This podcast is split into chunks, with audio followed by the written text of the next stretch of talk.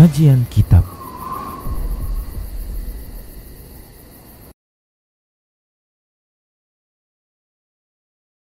Assalamualaikum warahmatullahi wabarakatuh.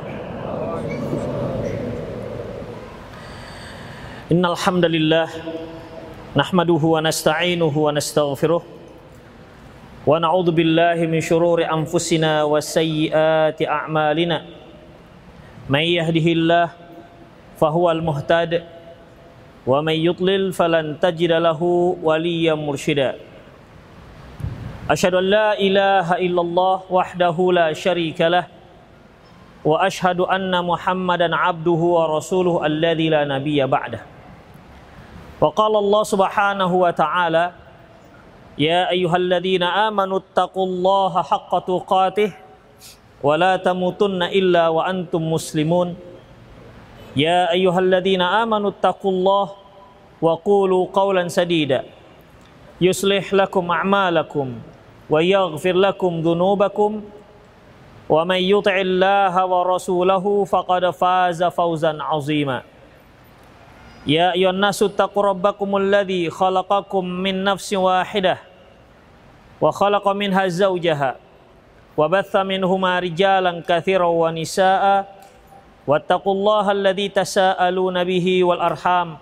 إن الله كان عليكم رقيبا. أما بعد نصدق الحديث كتاب الله. وخير الهدي هدي محمد صلى الله عليه وسلم. وشر الأمور محدثاتها. وكل محدثة بدعة. وكل بدعة ضلالة. وكل ضلالة في النار. Ikhwati fiddin wa akhwat rahimani Allah wa iyyakum. Kita lanjutkan kembali kajian kita tentang adabul kitab Adabul Mufrad yang ditulis oleh Imam Al-Bukhari rahimahullah. Qala muallif rahimahullah babun man adraka walidayhi falam yadkhulil jannah. Bab seorang yang bertemu dengan kedua orang tuanya tapi tak membuatnya masuk ke dalam surga. An Abi Hurairah radhiyallahu anhu dari Abi Hurairah radhiyallahu anhu anin Nabi sallallahu alaihi wasallam dari Nabi sallallahu alaihi wasallam qal beliau bersabda raghima anfuhu raghima anfuh raghima anfuh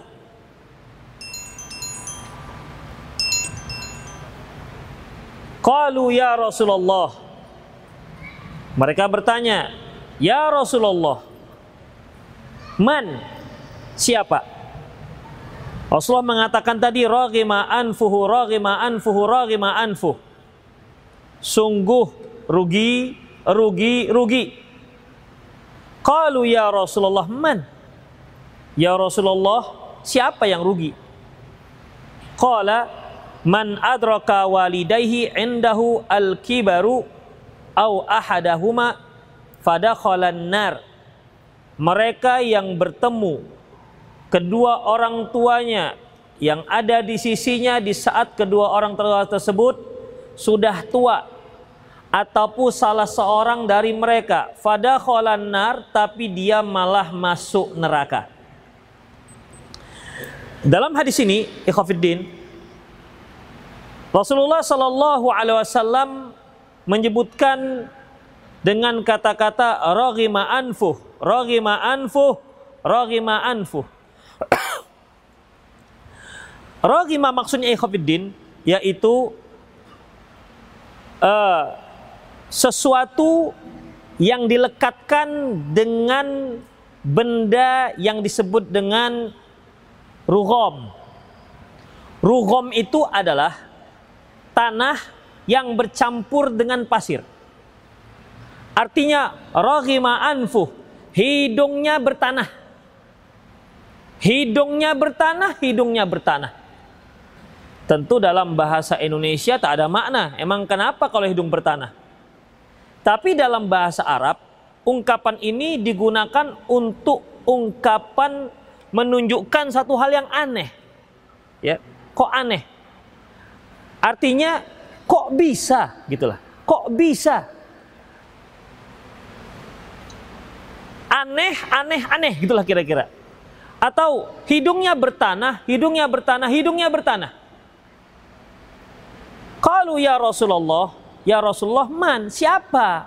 Siapa yang aneh?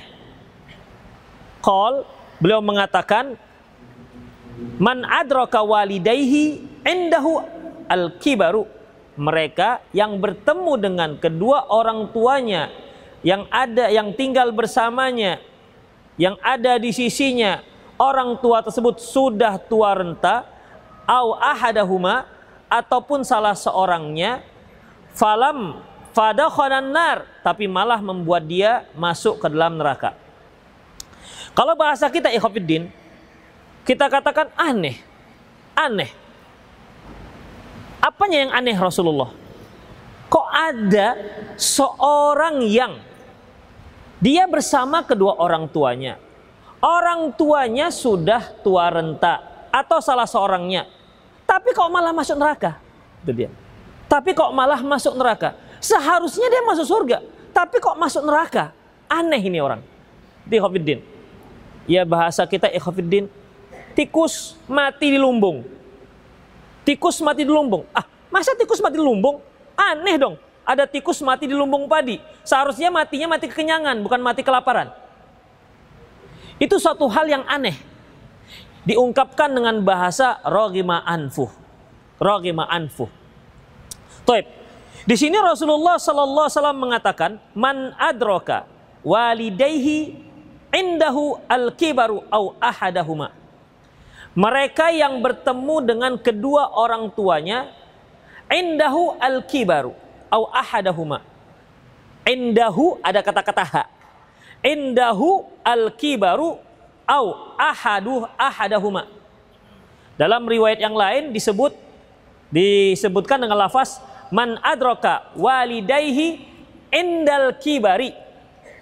Kalau yang tadi kan indahu al-kibaru ahad au ahadahuma.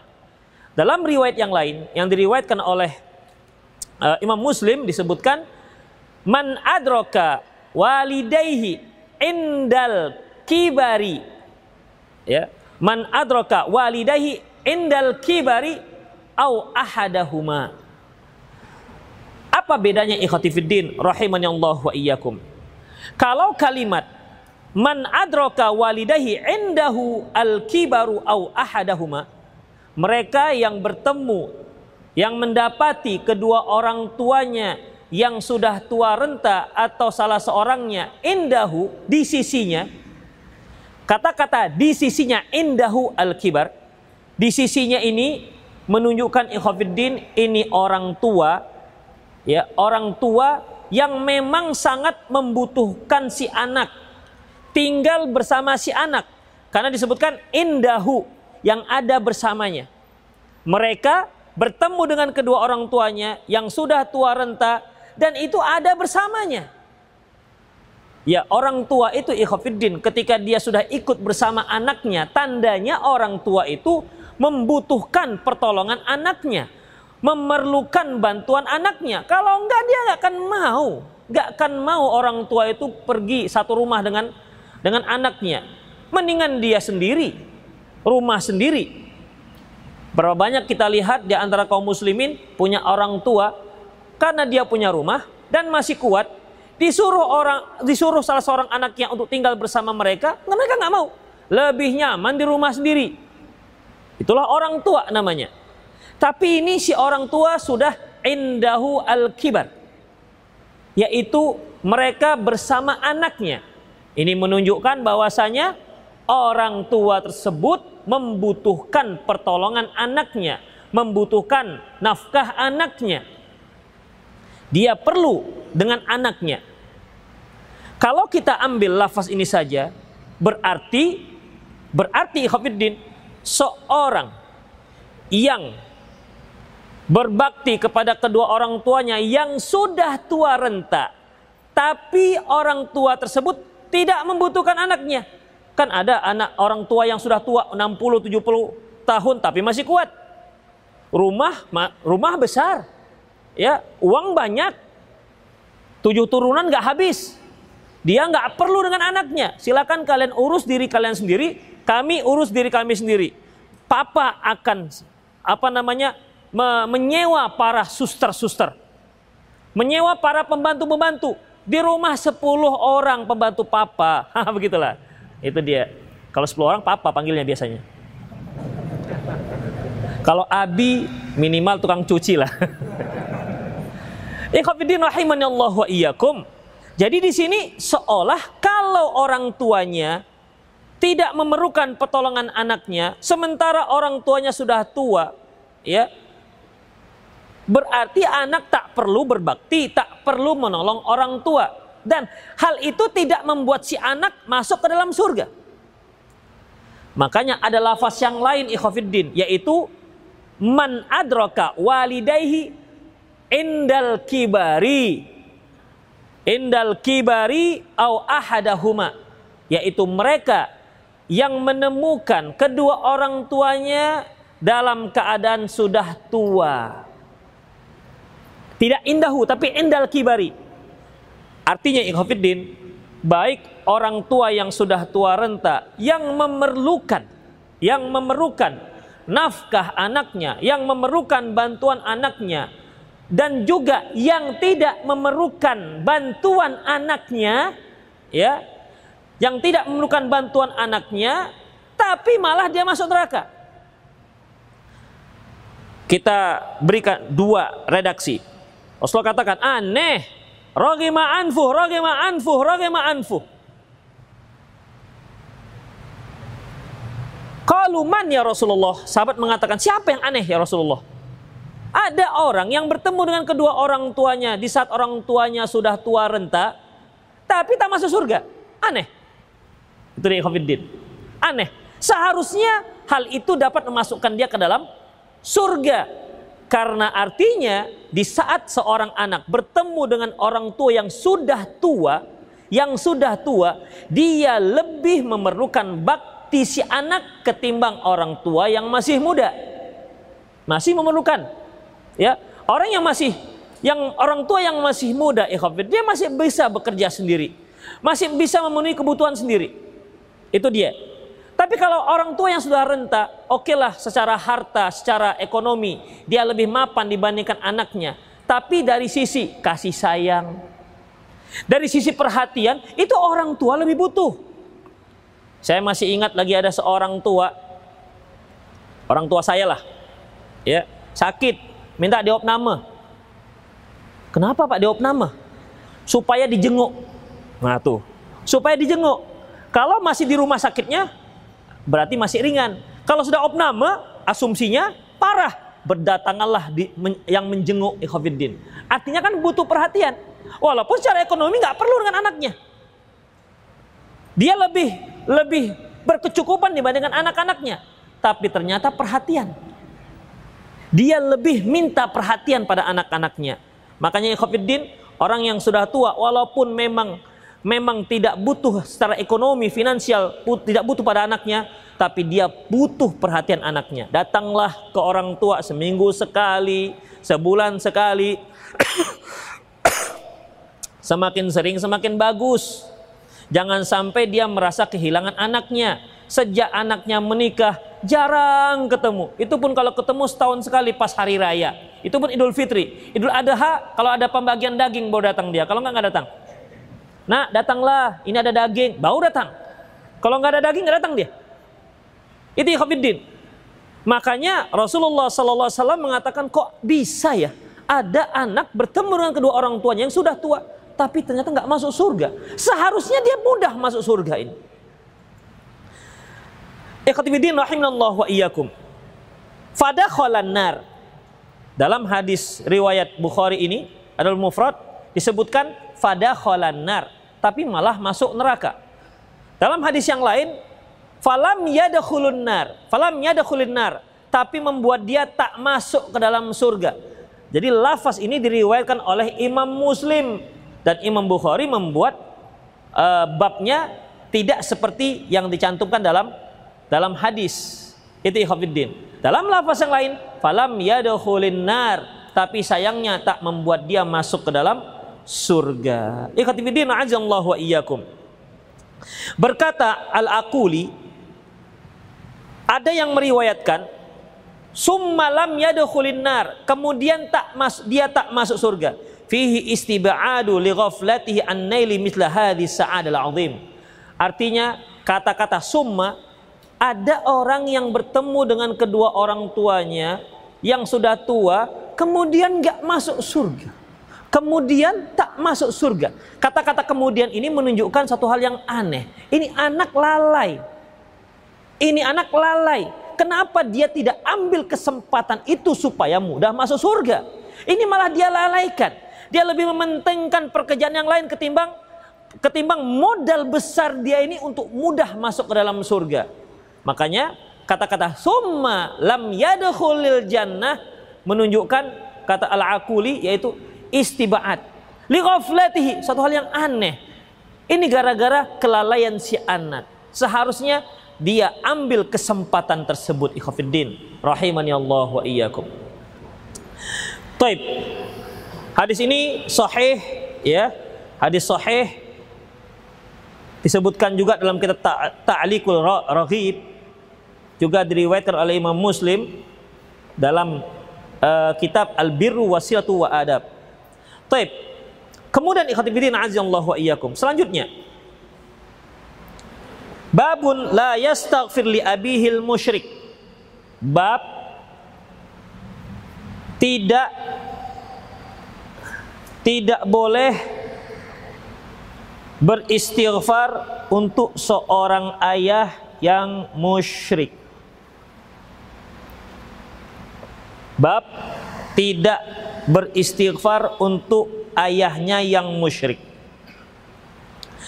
Ani bin Abbas radhiyallahu anhu dari Abdullah bin Abbas radhiyallahu anhu fi qaulihi azza wa jalla dalam firman Allah Subhanahu wa taala imma yablughanna indakal kibar ahaduhuma aw kilahuma fala taqul lahumā uffi wa la tanharhuma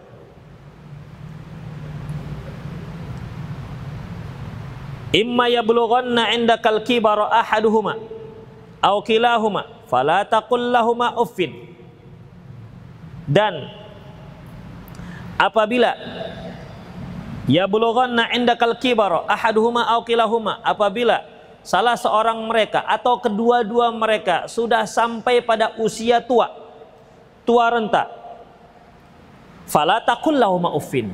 Jangan kalian katakan ah uff Jangan kalian katakan ah. Kata-kata ah ikhafiddin ini menunjukkan ketidaksenangan. Ucapan menunjukkan ketidaktenangan, ketidaksenangan, ketidakrelaan, ketidakridoan. Dan itu ungkapan yang paling singkat. Tidak ada ucapan yang paling singkat yang menunjukkan ketidakrelaan yang lebih singkat daripada Misalnya, tolong diambilkanlah tas saya. Ah, itu orang sudah tahu. Kok ah? Nama nggak? Oh, nggak ada. Orang sudah paham. Ah itu. Ah itu artinya dia nggak mau. Ya, itu ungkapan yang paling ringan Ikhwanuddin. Kalau dia katakan, e, tolong ambilkan tas saya, saya tidak mau mengambil tas kamu. Nah, itu kan panjang dia, ya, kepanjangan. Ya. Mana lebih menyakitkan? Tolong ambilkan. Saya tidak mau mengambil tas kamu yang buruk ini. Dengan kata, ah. Tentu lebih ringan kata-kata, ah. Namun begitu pun tidak boleh diucapkan kepada kedua orang tua. Ya, tidak boleh diucapkan kepada orang tua. Dan di sini Allah Subhanahu wa taala menyebutkan Imma yablughanna indakal kibara ahaduhuma aw kilahuma fala taqul uffin. Allah menyebutkan kalau sudah sampai usia tua mereka jangan kalian katakan ah uff. Sekarang, Taib, kalau orang tuanya masih muda ya masih usia-usia seperti saya lah misalnya. Misalnya ini boleh kita katakan si anak mengatakan ah Nak, tolong ambilkan. Ah, boleh?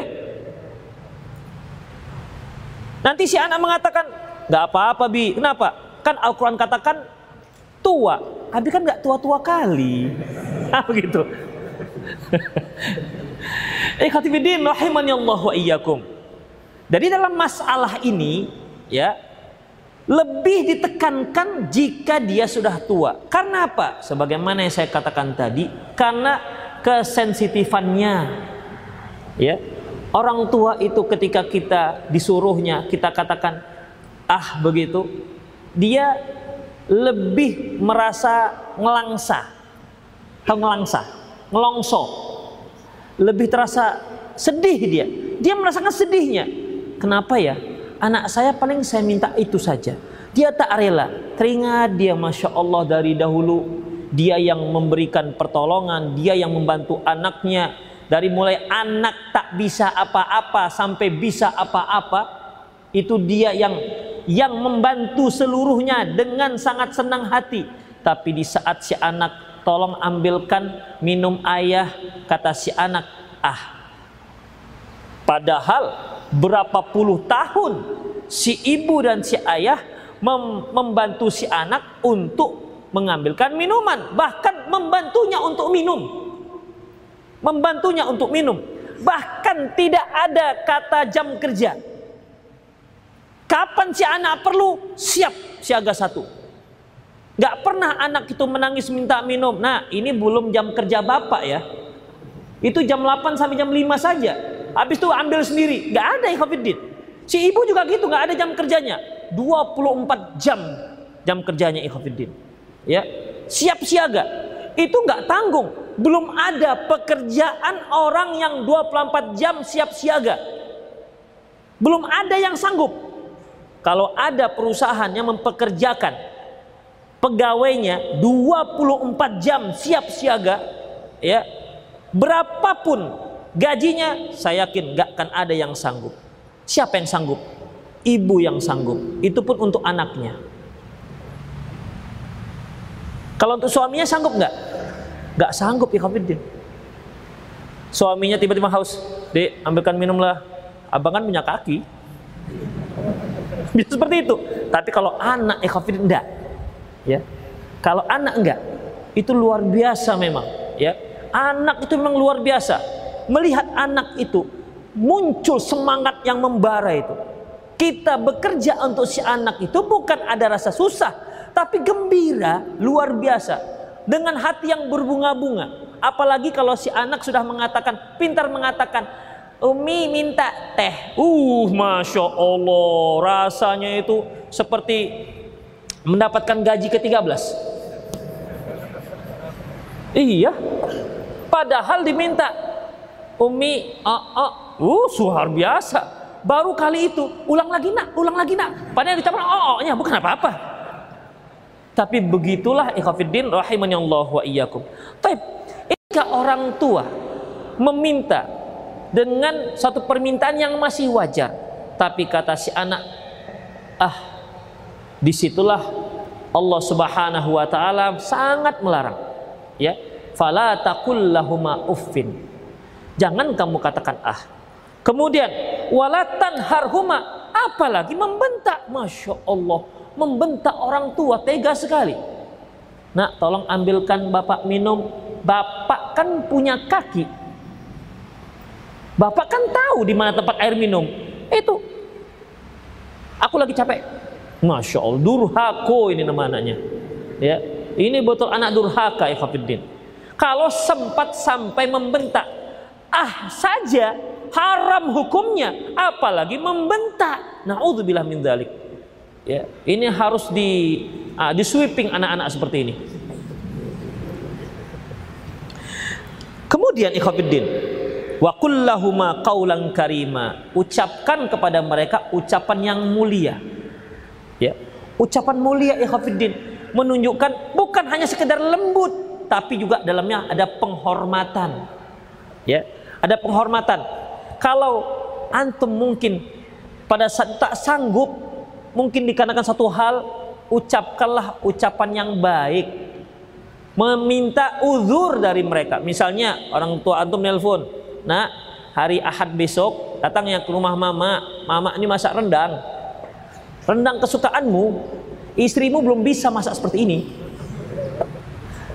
Tahu sih ya orang tua. Memang beda ya Khofiddin. Kita anak makan makan masakan mama kita itu lain di perut cocok dia. Ya, cocok. Pokoknya nggak membuat mules. Karena apa? Sudah terbiasa dari kecil bersama orang tua. Nggak bisa diganti dengan masakan istri, nggak bisa.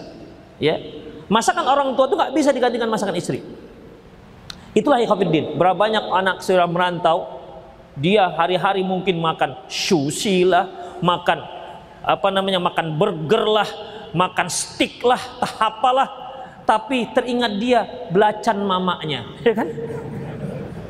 Ya Allah, belacan mamaku kapan lagi makan belacan yang campur tempoyak itu? teringat terkenang-kenang ikhwatiddin. Padahal berapalah ya berapalah kalau saya masih mengingat kalau ayah saya itu bapak saya itu kalau makan itu kecil nasi itu di di kepal-kepal di kepal-kepal dicampur ikan itu dikasih makan satu-satu lain. Buatan orang tua dengan nggak beda. Entah kenapa bedanya.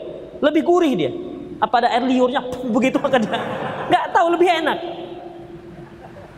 Karena saya waktu kecil tuh termasuk anak yang susah makan. Tapi kalau sudah dikasih kepal-kepal gitu sambil pegang gitu satu-satu seperti makan kue. Itu itulah orang tua. Makanya ketika ketika kita masih kecil, orang tua ini berusaha bervariasi bagaimana caranya supaya anak itu mau makan. Bayangkan ikhwafiddin. Supaya mau makan, bukan cari makan. Supaya si anak makan. Gak anak yang gak makan, orang tua sedih. Itu ikhwafiddin. Ya, Beda kalau sudah besar, ya. Beda kalau sudah besar. Dan sekarang orang tua minta, "Nak, datang ya ke rumah mama besok." Ya, ini ada rendang mau buatkan. Senang tuh orang tua membuatkan. Ini dalam pikirannya, ini bakal datang anaknya, bakal dilahap rendangnya, ya. Terikat dia bagaimana lahapnya si anak. Apa kata anaknya? Gak bisa mah. Besok sibuk, masya Allah tuh, ya. Sudah dimasak tapi sibuk anaknya itu ngelongso. Walau ya sudahlah. Tapi begitu pun ikhwatiddin rahimanallahu wa iyyakum ketika kita nggak bisa coba diobati hati mereka itu. Diobati. Ya. Bagaimana caranya supaya dia tidak merasa sedih? Itulah seharusnya kita sebagai sebagai anak. Jangan ditiru seperti orang-orang kafir itu ikhwatiddin yang berbakti kepada orang tuanya hanya satu hari, yaitu di hari ibu. Peringatan hari ibu. Masya Allah, servis. Aku servis ibuku dari mulai pagi sampai malam satu hari. Itu aja servisnya. Yang 364 hari itu siapa yang menservis? Maknya menservis dia. Adil itu namanya, ikhwafiddin. Yang gak adil. Makanya dalam Islam gak ada hari ibu. Yang ada hari ibu dalam Islam ikhwafiddin itu lifetime. Seumur hidup hari ibu. Nggak ada cuma setahun sekali ya Allah nggak adil mereka terhadap ibu mereka. Nggak adil itu ikhwatiddin. Oleh karena itu jangan tiru-tiru kebiasaan orang kafir. Orang kafir tuh memang nggak punya ini, nggak punya standar. Ya. Nggak punya standar bagaimana mereka bisa memperlakukan manusia yang lain. Di antaranya apa ikhwatiddin? Selamat ulang tahun. Selamat ulang tahun. Happy birthday to you. Udah selamat, umur bertambah. Coba kalau dia pikir usia kita bertambah, kan semakin dekat dengan kematian. Seharusnya, Pak, ini hari lahir Bapak, bertambah usia Bapak, berarti kematian Bapak semakin dekat. Berhati-hatilah, waspadalah. Seharusnya begitu. Membuat orang, oh iya ya, akhirnya apa? Akhirnya mengingat kematian semakin dekat. Bukan malah jingkrak-jingkrak, bukan bawah bawa apa namanya bawa bawa kue tar apa urusannya ikhwatiddin kita sudah semakin dekat dengan kematian malah senang-senang. Makanya salah. Seharusnya diingatkan dengan kematian. Supaya apa? Kita semakin giat. Apalagi usia umat Rasulullah itu antara 60 70 bayangkan ikhwatiddin umur antum berapa 20 tahun si muda kalau 70 kalau kalau 70 tahun usianya, 50 tahun mati antum. Itu ikhafidin tambah-tambah, semakin dekat dengan kematian. Itulah ikhafidin. Makanya standar kebenaran hanya satu yaitu Islam. Baik, kita lanjutkan. Waqfid lahuma janahaka minadh-dhulli minar rahmah. Rendahkan janah itu artinya kafin sayap. Waqfid lahuma janaha. Rendahkan sayapmu minadh-dhulli merendahkan diri di hadapan orang tua minar rahmah sebagai tanda kasih sayang kita kepada orang tua. Artinya ikhwatiddin siapa pun Anda, siapa pun Anda, ustadz apa pun Anda, panglima apa pun Anda, jabatan apa pun Anda, ketika Anda datang ke hadapan orang tua Anda, lepas semua atribut-atribut keduniaan. Anda datang masuk ke rumah orang tua sebagai seorang anak. Ya, jangan bawa ke panglimanya, mentang-mentang orang tuanya petani, bawa pangkat dia. Pak, hormat, panglima. Durhaka betul ini anak. Ya, buang semua itu pangkat-pangkat. Anda tidak ada apa-apanya kalau tanpa orang tua Anda. Itu ikhfiddin. Jangan mentang-mentang dia baru tamat LCMA. Pak, duduk sebentar. Sudah bawaannya macam dosen aja. Ikhfiddin tidak bisa. Anda itu anak loh. Anak ingat, anak bukan guru, bukan kiai di hadapan orang tua. Bukan berarti kita tidak bisa memberikan masukan kepada orang tua, tidak bisa menasihati. Boleh dan bahkan dianjurkan orang Ibrahim saja menasihati orang tuanya. Ya abati, wahai ayahandaku, la ta'budi syaitan, jangan kamu menyembah syaitan. Inna syaitan akan insani, inna syaitan kana lirrahmani asiyya. Setan itu durhaka kepada Allah. Ini kan nasihat Nabi Nabi Ibrahim kepada ayahnya harus nasihat, tapi tetap nasihat seorang anak kepada orang tua. Bukan nasihat seorang ustadz kepada muridnya. Kenapa? Anda itu adalah seorang anak. Bukan ustadz, bukan kiai di hadapan orang tua Anda. Sebodoh apa pun orang tua ikhwafiddin, berhadapanlah dengan mereka Anda, kita sebagai anak, bukan siapa-siapa. Kalau sempat hatinya sakit, kemudian dia mendoa buruk, tidak ada guna semua jabatan-jabatan yang kita telah kita emban, yang telah kita pegang. Gak ada guna sama sekali, gak ada berkahnya. Makanya jagalah hati mereka. Wa qur rabbirhamhuma kama rabbayani dan katakan ya Allah rahmatilah sayangi mereka sebagaimana mereka menyayangi aku sejak kecil. Allah wa iyyakum. Perhatikan. Di sini kan disebutkan doa kepada orang tua. Rendahkan sayapmu, ucapkan yang baik, ucapkan ucapan yang mulia dan katakan wa qurrabbirhamhuma ya Allah sayangi mereka sebagaimana mereka menyayangi aku sewaktu kecil. Nah, sekarang kan tidak semua orang tua tidak semua orang tua itu muslim. Sebagaimana kajian kita yang telah lalu bahwasanya ya bahwasanya kita tetap wajib berbakti kepada kedua orang tua kita walaupun orang tua tersebut musyrik atau kafir. Selama mereka tidak menyuruh kita berbuat maksiat apalagi menyuruh kita berbuat syirik. Allah Subhanahu wa taala mengatakan, "Wa in jahadaka ala an tusyrika bi ma bihi ilmun fala tuti'huma." Kalau mereka berusaha untuk mengajak kamu berbuat syirik yang kamu tak punya ilmu di atasnya, fala tuti'huma, jangan kamu taati. Tapi wasahibuhuma fid dunya ma'rufa. Tapi bertemanlah dengan mereka, gaullah dengan mereka dengan di dunia dengan cara yang baik.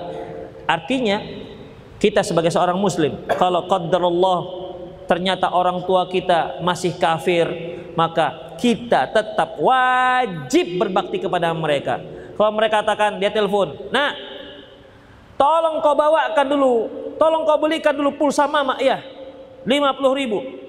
Nggak bisa kita katakan. Nggak bisa lah mak. Mama kan kafir. Nggak bisa ya yang dia minta bukan maksiat. Kecuali kalau dia katakan, nah, Pak ambilkan dulu tua bapak itu di sana. Baru kita boleh mengingkari kenapa? Dia minta suatu hal yang yang sifatnya melanggar syariat Allah Subhanahu wa taala. Taib. Jadi kita wajib berbakti kepada orang tua siapa pun dia yang kafirkah apalagi yang muslim. Kemudian di sini ada doa. Wa qur rabbighfirhamhuma wa qur rabbirhamhuma wa qur rabbirhamhuma.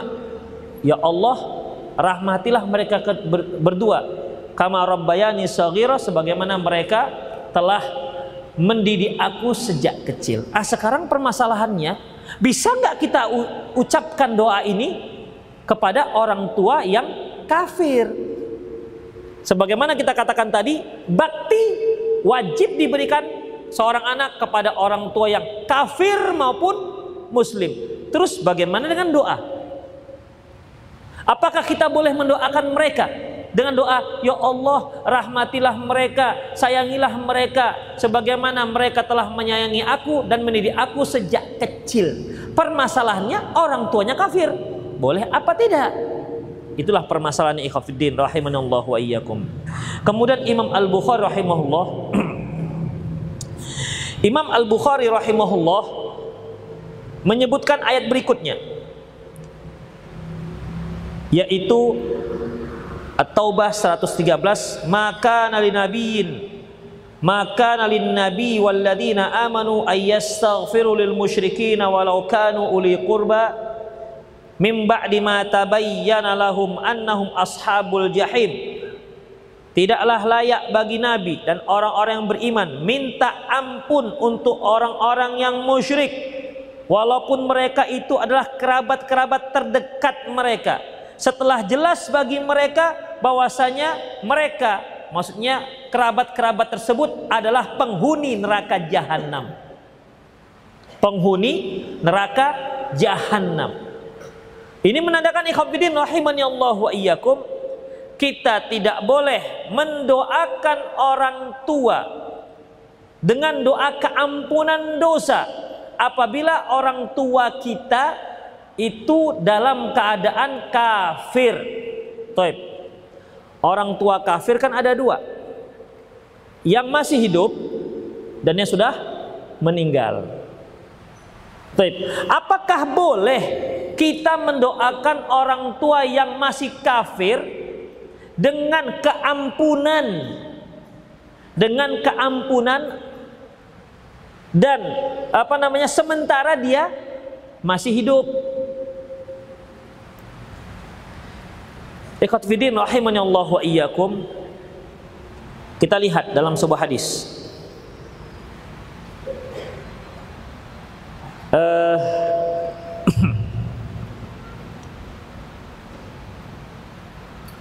dari Abi Hurairah radhiyallahu an dari Abi Hurairah radhiyallahu an qala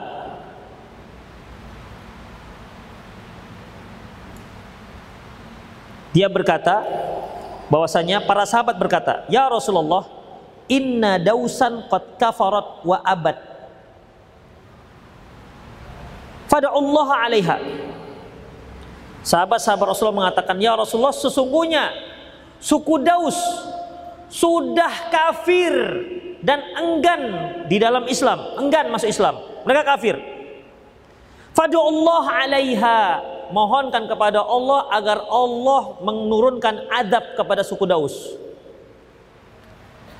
Fakila halakat Daus. Sahabat lain ada yang mengatakan, ah celakalah Daus, suku Daus. Kemudian faqala Rasulullah mengatakan, Allahumma di Dausan wa'ti biha wa'ti bihim. Ya Allah, berilah hidayah kepada Daus wa tibihim dan datangkan mereka kepadaku. Dari sini ikhwatiddin rahimani Allah wa iyyakum dapat kita ambil kesimpulan bahwasanya boleh kita mendoakan orang kafir apalagi kedua orang tua kita yang masih kafir agar mereka mendapat hidayah ya agar mereka mendapat hidayah. Ada kisah lain ikhwatiddin. Sebagaimana sudah kita maklumi, apabila seorang muslim mengucapkan dia dia bersin kemudian mengucapkan alhamdulillah, maka yang mendengar mengatakan yarhamukallah. Sebagaimana sabda Rasulullah SAW, "Idza atasha ahadukum faka faka fahamidallah apabila salah seorang kalian bersin kemudian dia mengucapkan alhamdulillah fakana haqqan ala man sami'ahu ayushammitu. Maka bagi orang yang mendengarnya wajib untuk mengatakan yarhamukallah. Kemudian yang bersin tadi mengatakan yahdikumullah wa yuslihu balakum. Jadi orang-orang Yahudi tahu ini orang muslim kalau bersin mengucapkan alhamdulillah maka orang yang mendengar akan mengatakan yarhamukallah. Suatu hari orang Yahudi sengaja dekat-dekat Rasulullah ketika bersin. Dia Yahudi tapi harapannya agar Rasulullah mendoakan yarhamukallah. Apa artinya? Semoga Allah menyayangi kamu merahmati kamu. Itu yang diinginkan. Orang Yahudi tapi minta doa dari Rasulullah. Jadi sengaja bersin dekat Rasulullah. Asyik. Alhamdulillah. Dengar apa jawaban Rasulullah. Ternyata jawab Rasulullah, yahdikumullah wa yuslihu balakum. Tidak mengatakan yarhamukallah. Langsung ucapan yahdikumullah wa yuslihu balakum. Jadi kalau antum lagi beli beras dengan di toko Cina, dia bersin karena kena tepung beras. Aci, alhamdulillah katanya. Sekarang kan begitu Ikhwanuddin karena saking banyaknya pelanggan dia orang muslim, ya, jatuh dia astagfirullah katanya. Astaga katanya. Astagfirullah. La ilaha illallah. Katanya. Biasa itu Ikhwanuddin. Bahkan assalamualaikum juga bisa dia. Assalamualaikum Pak Haji. Bisa dia. Tapi dia katakan alhamdulillah. Jangan katakan yarhamukallah, jangan. Ucapkan yahdikumullah wa yuslihu balakum. Apa artinya yahdikumullah? Semoga Allah memberimu hidayah wa yuslihu balakum memperbaiki urusan duniamu. Ini doa ditujukan kepada orang Yahudi. Tandanya kita boleh berdoa kepada orang kafir apalagi orang tua kita untuk kebaikan dunianya. Ya Allah, mudahkan rezeki orang tuaku. Boleh walaupun dia kafir. Boleh. Ya Allah, mudahkan urusannya. Boleh. Ya, boleh kita mendoakan urusan dunia, kebaikan dunia untuk orang tua, orang kafir, apalagi orang orang tua. Toib. Sekarang permasalahannya, bagaimana kalau kita mendoakan agar Allah mengampuni dosanya? Ini dia. Tadi kan berdoa untuk dapat hidayah. Boleh. Yang kedua, berdoa untuk semoga urusan dunia mereka lancar. Boleh. Ya. Sekarang, bolehkah kita berdoa kepada Allah agar Allah mengampuni dosa mereka? Tikhafiddin. Taib. Meminta ampun untuk dosa orang kafir itu ada dua. Ada dua. Orang kafir yang sudah meninggal dan orang kafir yang belum meninggal. Adapun yang sudah meninggal ikhafiddin tidak dibolehkan. Rasulullah sendiri pernah berdoa kepada Allah meminta ampun untuk ibunya tapi Allah tidak perkenankan. Kenapa? Karena ibunya mati dalam keadaan kafir. Loh, waktu itu kan ibu Rasulullah meninggal atau ayahnya belum ada Islam, sudah belum ada Islam, tapi agama Ibrahim itu sudah ada. Ya, tapi agama Ibrahim itu sudah ada. Ketika seorang datang kepada Rasulullah, "Ya Rasulullah, siapa ayah kamu?" Ayah saya, e, "Di mana letak? Di mana tempat ayah saya?" "Tempat ayahmu di neraka." Kemudian kata sahabat ini, "Kalau ayahmu, ayah saya juga." Karena meninggalnya dalam keadaan kafir. Taib. Itu satu dalilnya. Yang kedua, ayat yang kita bacakan tadi ya ayat yang kita bacakan tadi di mana uh, di sini Nabi Ibrahim alai uh, Imam Bukhari rahimahullah mengatakan wa ma kana li nabiyyin walladzina amanu ayastaghfiru lil musyrikin walau kanu ulil qurba tidak layak bagi seorang nabi dan orang-orang beriman untuk memintakan ampun untuk orang-orang musyrik walaupun mereka adalah kerabat yang terdekat.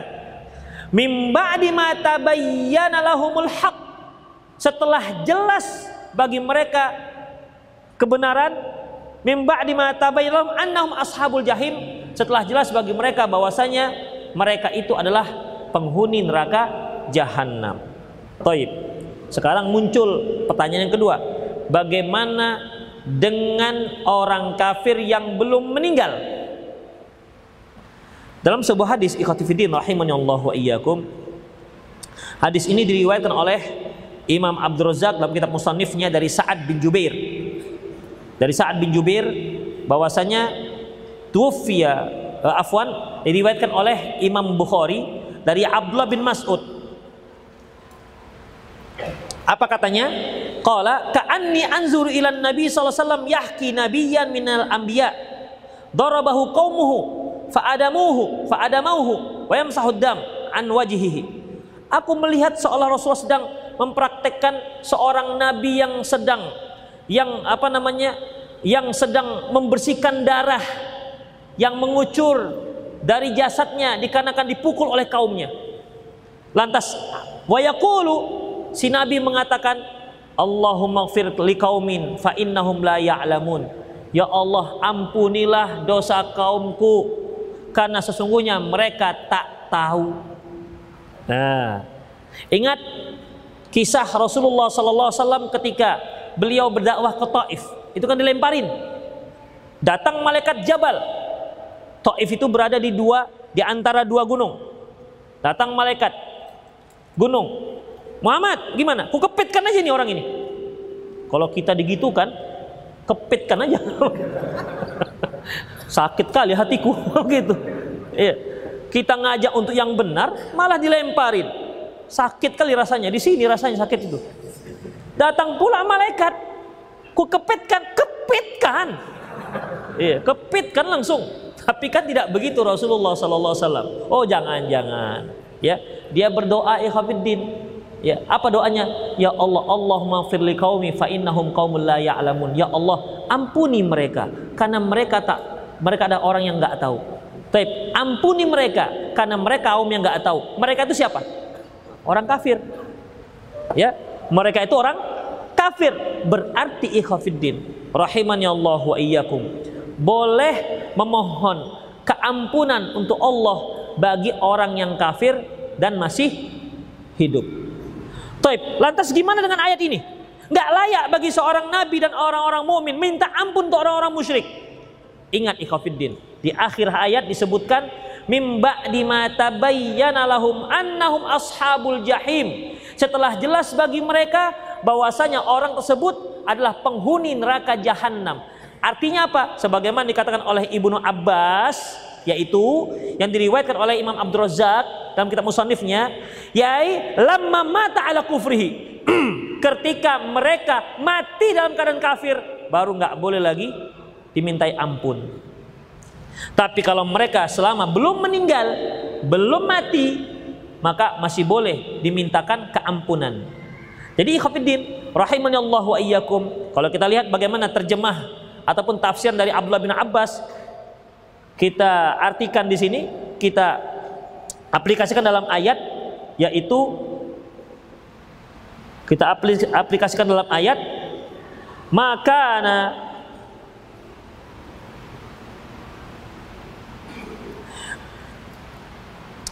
Wa ma kana linabiin lin nabi walladzina amanu ayastaghfirul musyrikin. Tidak layak bagi seorang nabi dan orang-orang beriman minta ampun kepada untuk orang musyrik. Walau kanu uli qurba walaupun mereka adalah kerabat-kerabat terdekat mimba di mata lahum setelah jelas bagi mereka annahum ashabul jahim bahwasanya mereka adalah penghuni neraka jahanam artinya tidak layak bagi seorang nabi dan orang mukmin minta ampun pada orang untuk kesalahan orang kafir setelah jelas dia penghuni neraka. Artinya setelah jelas dia mati dalam keadaan kafir. Tapi kalau dia belum meninggal maka ikhafiddin dia masih boleh. Kita mohonkan hidayah pada Allah, kita minta kebaikan dunia untuk dia. Dan kita mohon kepada Allah keampunan untuk orang tersebut. Tapi kalau sudah mati dalam keadaan kafir, barulah itu semua tidak dibolehkan. Itulah ikhwatiddin Allah wa iyyakum. Demikian juga orang orang tua. Sekarang saya tanya, Khofiddin, Orang tuanya kafir. Kita katakan, apakah boleh dia berbakti kepada orang tua yang kafir? Bukan boleh, wajib. Ya, wajib. Sekarang masalahnya orang tuanya ini memerangi Islam. Gimana? Boleh dia berbakti kepada orang tuanya yang jelas-jelas memerangi Islam? Gimana? Kan bisa saja orang tua orang tua kafir itu dua. Yang tidak memerangi Islam, yang memerangi Islam. Yang tidak memerangi Islam ialah bisa kita berbakti kepada mereka tetap santun. Sekarang mereka orang kafir, orang tua kita tersebut dia memerangi Islam. Boleh nggak kita berbakti kepada orang tua? Dia jelas-jelas membunuh orang Muslim. Dia bilang, nah, tolong kirimkan pulsa ya seribu, apa sepuluh ribu. Nah, tolong kirimkan bapak duit. Jelas dia memerangi kaum muslimin, membantai kaum muslimin. Bolehkah kita berbakti kepada mereka? Ah. Jawabannya enggak. Udah jelas mereka memerangi kaum muslimin. Apa kata Allah Subhanahu wa taala? La yanhaakumullahu la yanhaakumullahu 'anil ladina lam yuqatilukum fid dini wa lam yukhrijukum min diyarikum an tabarruhum wa tuqsitu ilaihim innallaha yuhibbul muqsitin. Allah enggak melarang kalian untuk berbuat baik dan berbuat adil kepada orang-orang kafir yang tidak memerangi kalian dan tidak mengusir kalian dari dari kampung kalian. Allah suka dengan orang-orang yang adil. Innama yanhaakumullahu Sesungguhnya yang dilarang oleh Allah, anil ladzina qatalukum fid din, yang memerangi kalian gara-gara agama, wa akhrajukum min diyarikum dan mengusir kalian dari dari kampung kalian. Wa dhaharu ala ikhrajikum dan terang-terangan dia melawan kalian. Antawallauhum. Dilarang kalian menjadikan mereka sebagai wali. Oleh karena itu orang tua kalau mereka kafir dan memerangi kaum muslimin mereka maka mereka tak layak mendapat bakti dari anaknya yang iya yang muslim. Itu khafiddin rahimani Allahu wa iyyakum. Pertanyaan kedua. Dia orang muslim tapi memerangi orang muslim orang tuanya muslim tapi memerangi kaum muslimin juga boleh nggak kita berbakti kepada mereka ada gini-gini, ada yang gini, nggak tahu saya itu maknanya apa. Ikhafidin dalam masalah ini tetap, ya. Mengapa demikian? Karena Allah Subhanahu Wa Taala menyatakan bahwasanya dua orang mukmin yang sedang dua orang muslim dua kelompok muslim sedang ber, berperang dikatakan orang mukmin. Yaitu uh, apabila dua orang mukmin yang sedang berperang faaslihu bainahuma. Maka silahkan kalian damaikan keduanya in wa in ta'ifatani minal mu'minina qatatalu apabila ada dua kelompok orang mukmin yang saling bertempur Tep, dua orang mukmin yang saling bertempur ini pasti ada yang salah pasti yang satu benar yang satu salah. Karena dua-dua merasa benarlah maka bertempur. Kalau ada satu merasa benar, yang satu merasa salah, gak akan bertempur dia. Udah. Fa in ta'ifatani minal mu'minina qatatalu. Apabila ada dua kelompok mukmin yang bertempur, Allah menyebutkan dua kelompok mukmin. Ingat, mukmin. Fa aslihu bainahuma. Maka damaikan mereka. Jadi bagaimana dengan orang tua yang memerangi orang mukmin yang lain? Maka kita tetap berbakti kepada mereka selama bakti kita itu tidak mendukung pertempurannya. Karena fata'awanu 'alal birri wat taqwa wala ta'awanu 'alal ismi wal udwan. Itu konsep dasar dalam bermuamalah kepada orang tua mukmin yang muslim yang memerangi muslim yang lain. Itulah ikhwatiddin rahimani Allah wa iyyakum kajian kita semoga bermanfaat. Qulu qouli hadza wa astaghfirullah li wa lakum wa muslimin innahu wal ghafurur rahim. Tumben ini ada buahan biasanya enggak ada. Biasanya enggak ada. Ya, silakan. Ada yang bertanya?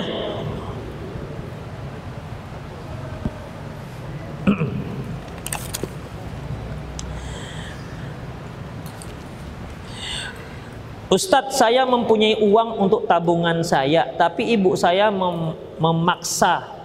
Ibu saya yang simpan. Saya takut uang itu dipakai sama ibu saya. Tolong beri masukan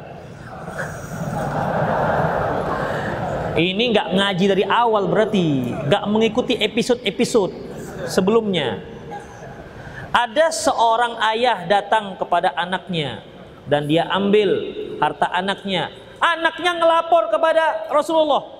Ya Rasulullah, inna abi yuridu akhdha mali. Ayahku mau mengambil hartaku. Gimana ini Rasulullah? Apa Rasulullah? Anta wa malu kali abika. Kamu dan hartamu punya punya orang tuamu, punya ayahmu. Jadi kalau ibu antum yang kasih udah simpankan saja. Tapi nanti dipakai, ya nggak apa-apa punya dia juga. Antum dan harta antum, simpanan antum yang hanya 30 ribu itu punya punya antum. Eh duitnya cuma 10 ribu, 20 ribu, 100 ribu, 1 juta, takut. Dipakai ayah ibunya. Biarlah dipakai ibunya. Ya, demikian ikhwafiddin. Sekali dia pakai, dua kali, tiga kali, lama-lama kan bosan dia makainya. Itu ikhwafiddin. Jadi hanya kita harus lebih bijak. Ketika, nah duitmu ibu pakai untuk apa bu? Untuk ini ini masuk akal. Udah nggak apa-apa. Begitu ya, nggak apa-apa. Tapi kalau dikatakan untuk apa bu? Iya, untuk ibu pakai modal. Modal apa itu? Modal masang nomor. Ah, itu baru. Modal masang nomor katanya. Kembali kepada kaidah wa ta'awanu 'alal birri wat taqwa wa la ta'awanu 'alal itsmi wal udwan. Ingat ikhwatiddin, anta wa maluka li abika. Kamu dan hartamu milik ayahmu. Tapi dengan kaidah dan ketentuan yang berlaku. Ingat apa syaratnya? Ada yang ingat? Coba buka lagi KPN-nya. Nggak ada di Google itu. Kotak pertanyaan, ya. Gimana? Selama dia tidak mengambil satu yang dibutuhkan anaknya. Anaknya sudah nabung, beli sepeda motor untuk bekerja. Begitu dibeli, nah untuk bapak, anta wa malu kali abika. Diambil sepeda motor nyeker lagi anak dari rumah ke kantor. ya. Apa lagi? Iya, tidak mengambil untuk anak yang lain, diambilnya, diambilnya sepeda motor anaknya diberikan kepada anak yang lain. Dan seterusnya lah. Itu dia Khafidin. Ustadz, jika melukis atau menggambar suatu yang merupai makhluk itu dilarang. Lalu apakah hukum menonton kartun dan bermain-main video game. Ikhwafiddin yang dilarang adalah menggambarnya. Itu dia. Yang dilarang menggambarnya. Adapun yang memain-mainkannya tergantung dengan niatnya itu apa. Kalau senang juga dia akhirnya membuat dia menjadi apa namanya semakin membuat dia semakin membuat gambar itu menjadi semarak berarti termasuk dengan wala ta'awanu 'alal itsmi wal udwan. Allahu alam bissawab. Jadi ikhwatiddin sebagaimana yang kemarin saya singgung di Prona haramnya sesuatu itu tidak mengharap menularkan pengharaman itu tuh orang lain. Seperti kemarin kita contohkan apa namanya kue ulang tahun Ulang tahun adalah acara tasyabuh dengan orang kafir. Atau nasi yang dibuat dalam acara tahlilan menuju hari. Kita telah yakini bahwasanya menuju hari itu tidak ada dasarnya. Bahkan ini merupakan suatu bid'ah. Pak, ini bid'ah. Iya, bid'ah ini. Bapak datang? Enggak. Ini Pak nasi kotanya. Ah, nasi kotanya sini. Apakah haram apa halal nasi kotaknya? Eh, Khafidin ingat. Acaranya bid'ah. Tapi tidak menjadikan makanan yang menjadi bid'ah. Eh, nasi bid'ah dolalah. Masa nasi bid'ah dolalah? Dari mana nasi bid'atun dolalatun? Nasinya halal sudah. Selama itu enak, sikat. Bismillah. Gak masalah. Acaranya bid'ah. Ya. Jadi kalau kita kecuali kita makannya di sana. Makannya di sana berarti sementara kita diam saja berarti kita melegalkan acara tersebut. Kalau nasinya dibawa ke rumah kita, nasinya legal. Ya, nasinya legal, terima. Demikian juga ini. Ya nggak boleh itu melukisnya.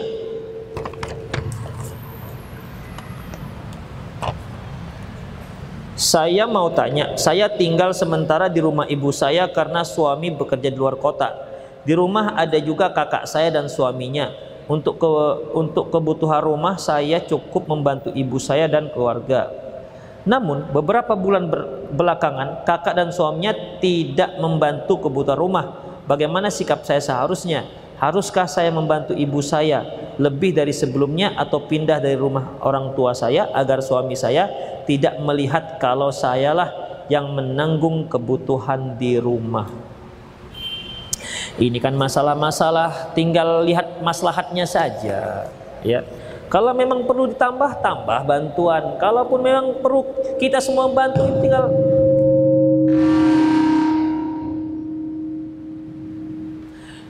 Tinggal gimana bagusnya saja ikhafiddin. Ya, balil insanu ala nafsihi basirah Manusia itu terhadap dirinya lebih mengetahui. Dalam masalah-masalah seperti ini itu beda-beda kasusnya. Beda-beda kondisi orang tuanya. Jadi ya bagus-baguslah pandai-pandailah bagaimana menyelesaikan masalah seperti ini. Tidak ada kaidah harus begini. Kalau enggak enggak boleh begini, enggak ada. Akhwat kalau nulis soal, soal itu panjang-panjang.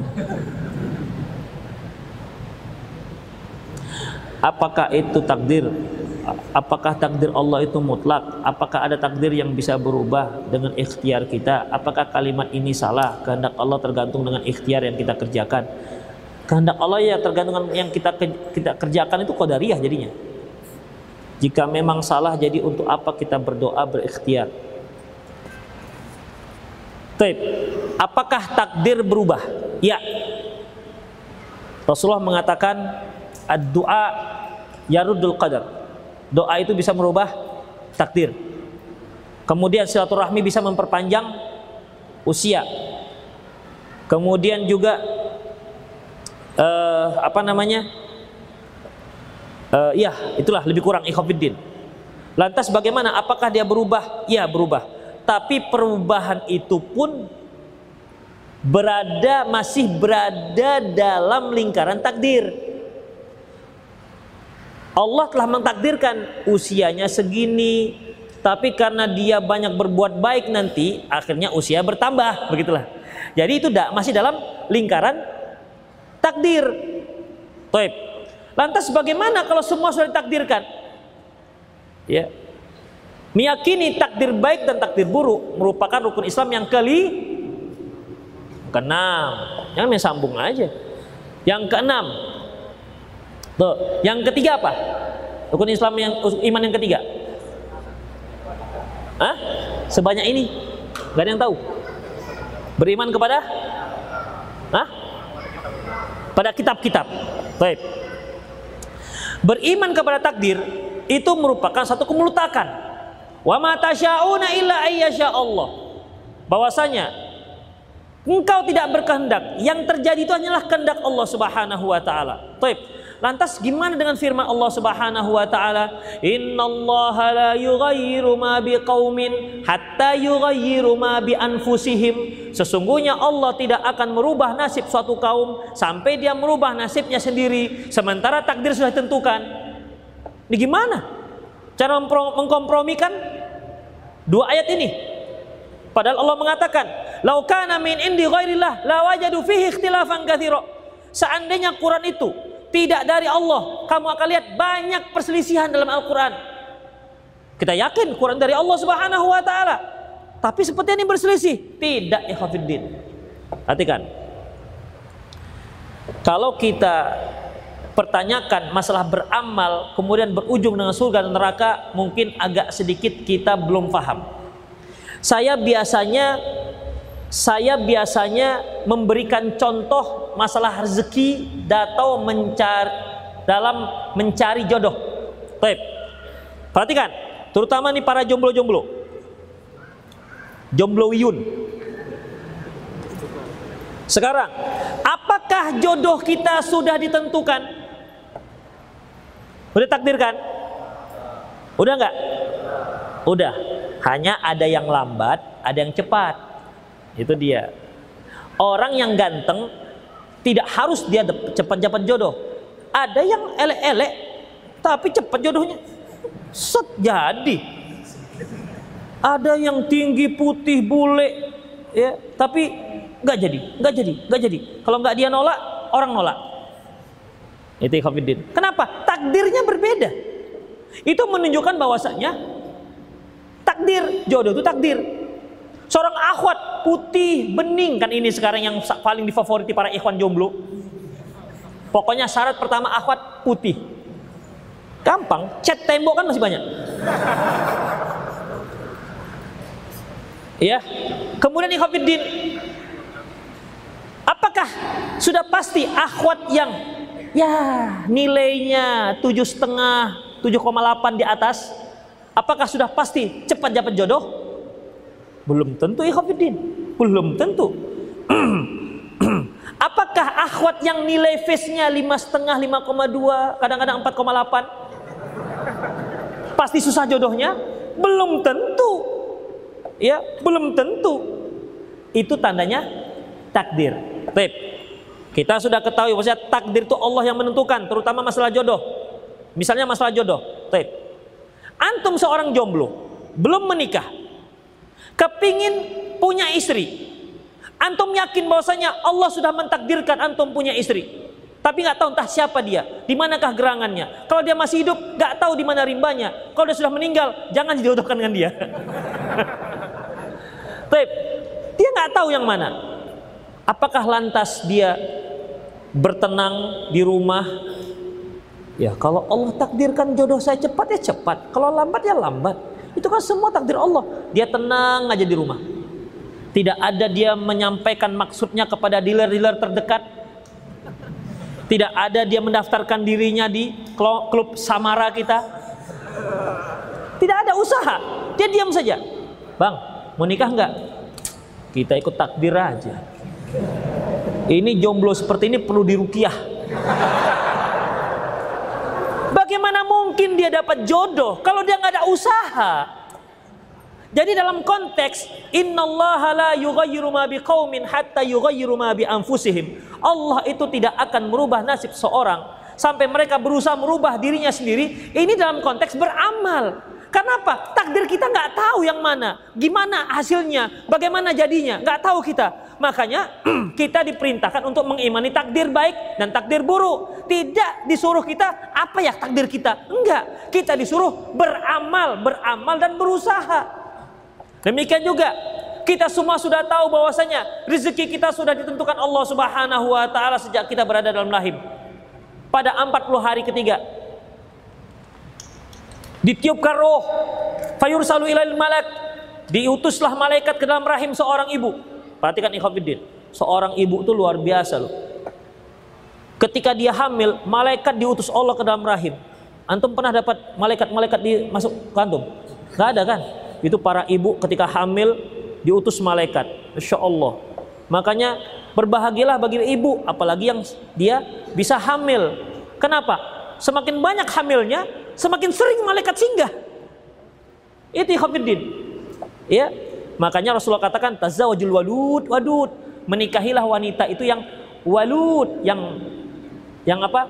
Yang subur, wadud dan penyayang. Jangan subur tak penyayang, asih main tampar aja kerjanya. Jangan. Jadi khafidin ahadallahu iyakum. Fayursalu ilal malak, fayu'maru bi arba'i kalimat. Maka diutus malaikat diperintahkan untuk menetapkan empat hal di antaranya bikat bi rezeki. Taib. Kita semua tahu bahwasanya rezeki kita sudah tentukan oleh Allah Subhanahu wa taala sejak lahir sampai mati. Kemudian, terus kenapa kita kok pakai berusaha?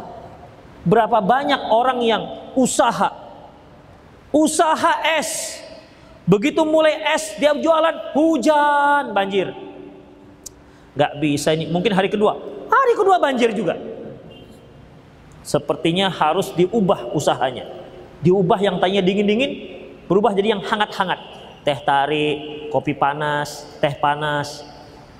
Rubah usaha. Begitu rubah usaha, anget aja hari. Berubah lagi Khafidin. Mengapa dia bisa merubah loncat dari satu usaha ke usaha yang lain? Padahal dia tahu rezeki sudah ditakdirkan. Kenapa dia berusaha seperti itu? Karena memang masalah ini pintunya, babnya adalah bab untuk berusaha. Kalau dia nggak berusaha, nggak akan bisa merubah nasibnya. Orang saya di sini sudah disuguhkan untuk usaha ini. Berapa nih jambunya? Satu, dua, tiga, empat, lima, enam. Enam potong jambu madu. Belum tentu rezeki saya. Begitu selesai subhanakallah marabbana lupa saya. Panitia rupa yang makan. Padahal ini kalau saya bawa pulang jadi punya saya, tapi kan malu saya. Demikian ikhwatiddin. Tandanya apa? Itu usaha. Kalau saya ingin menjadi ini milik saya, begitu. Subhanakallahumma rabbana allahumma firli wa bihamdik. Masuk tas. Udah. Itu pun belum tentu. Tiba di rumah anak saya luan buka. Hi ada jambu katanya. Pernah ikhafidin biasa ada kajian itu dikasih ada kue kotak. Kue kotak saya bawa satu isinya tiga paling. Saya masukkan ke dalam jok sepeda motor. Jadi nantilah di rumah dimakan. Tahu antum kapan teringatnya? Seminggu kemudian. Oh iya seminggu yang lalu ini. Rupanya rezekinya rezeki semut bukan rezeki saya. Padahal saya sudah usaha Khafidin.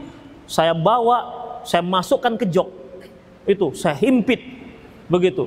Saya dudukin juga itunya ternyata bukan rezeki saya. Tapi kan usaha coba nggak saya usahakan? Ustadz ini ada kue untuk dibawa. Ya kalau rezeki saya jadi. Kalau nggak saya tengokin aja nggak saya bawa-bawa. Lantas Ikhwanuddin apakah Allah sudah menentukan itu kue rezeki saya apa tidak? Sudah kan? Tapi kan kita tetap berharap bahwasanya kue ini menjadi rezeki kita walaupun nggak bisa kita pastikan. Itulah namanya usaha, ikhwatiddin. Demikian juga surga. Masing-masing kita ini kata Rasulullah sudah tahu di mana tempatnya, surga atau neraka. Tapi apakah kita lantas ber, berpangku tangan? Enggak, kita berusaha berusaha. Harapan apa? Kita yang masuk surga, bukan orang. Itu ya Itulah namanya takdir.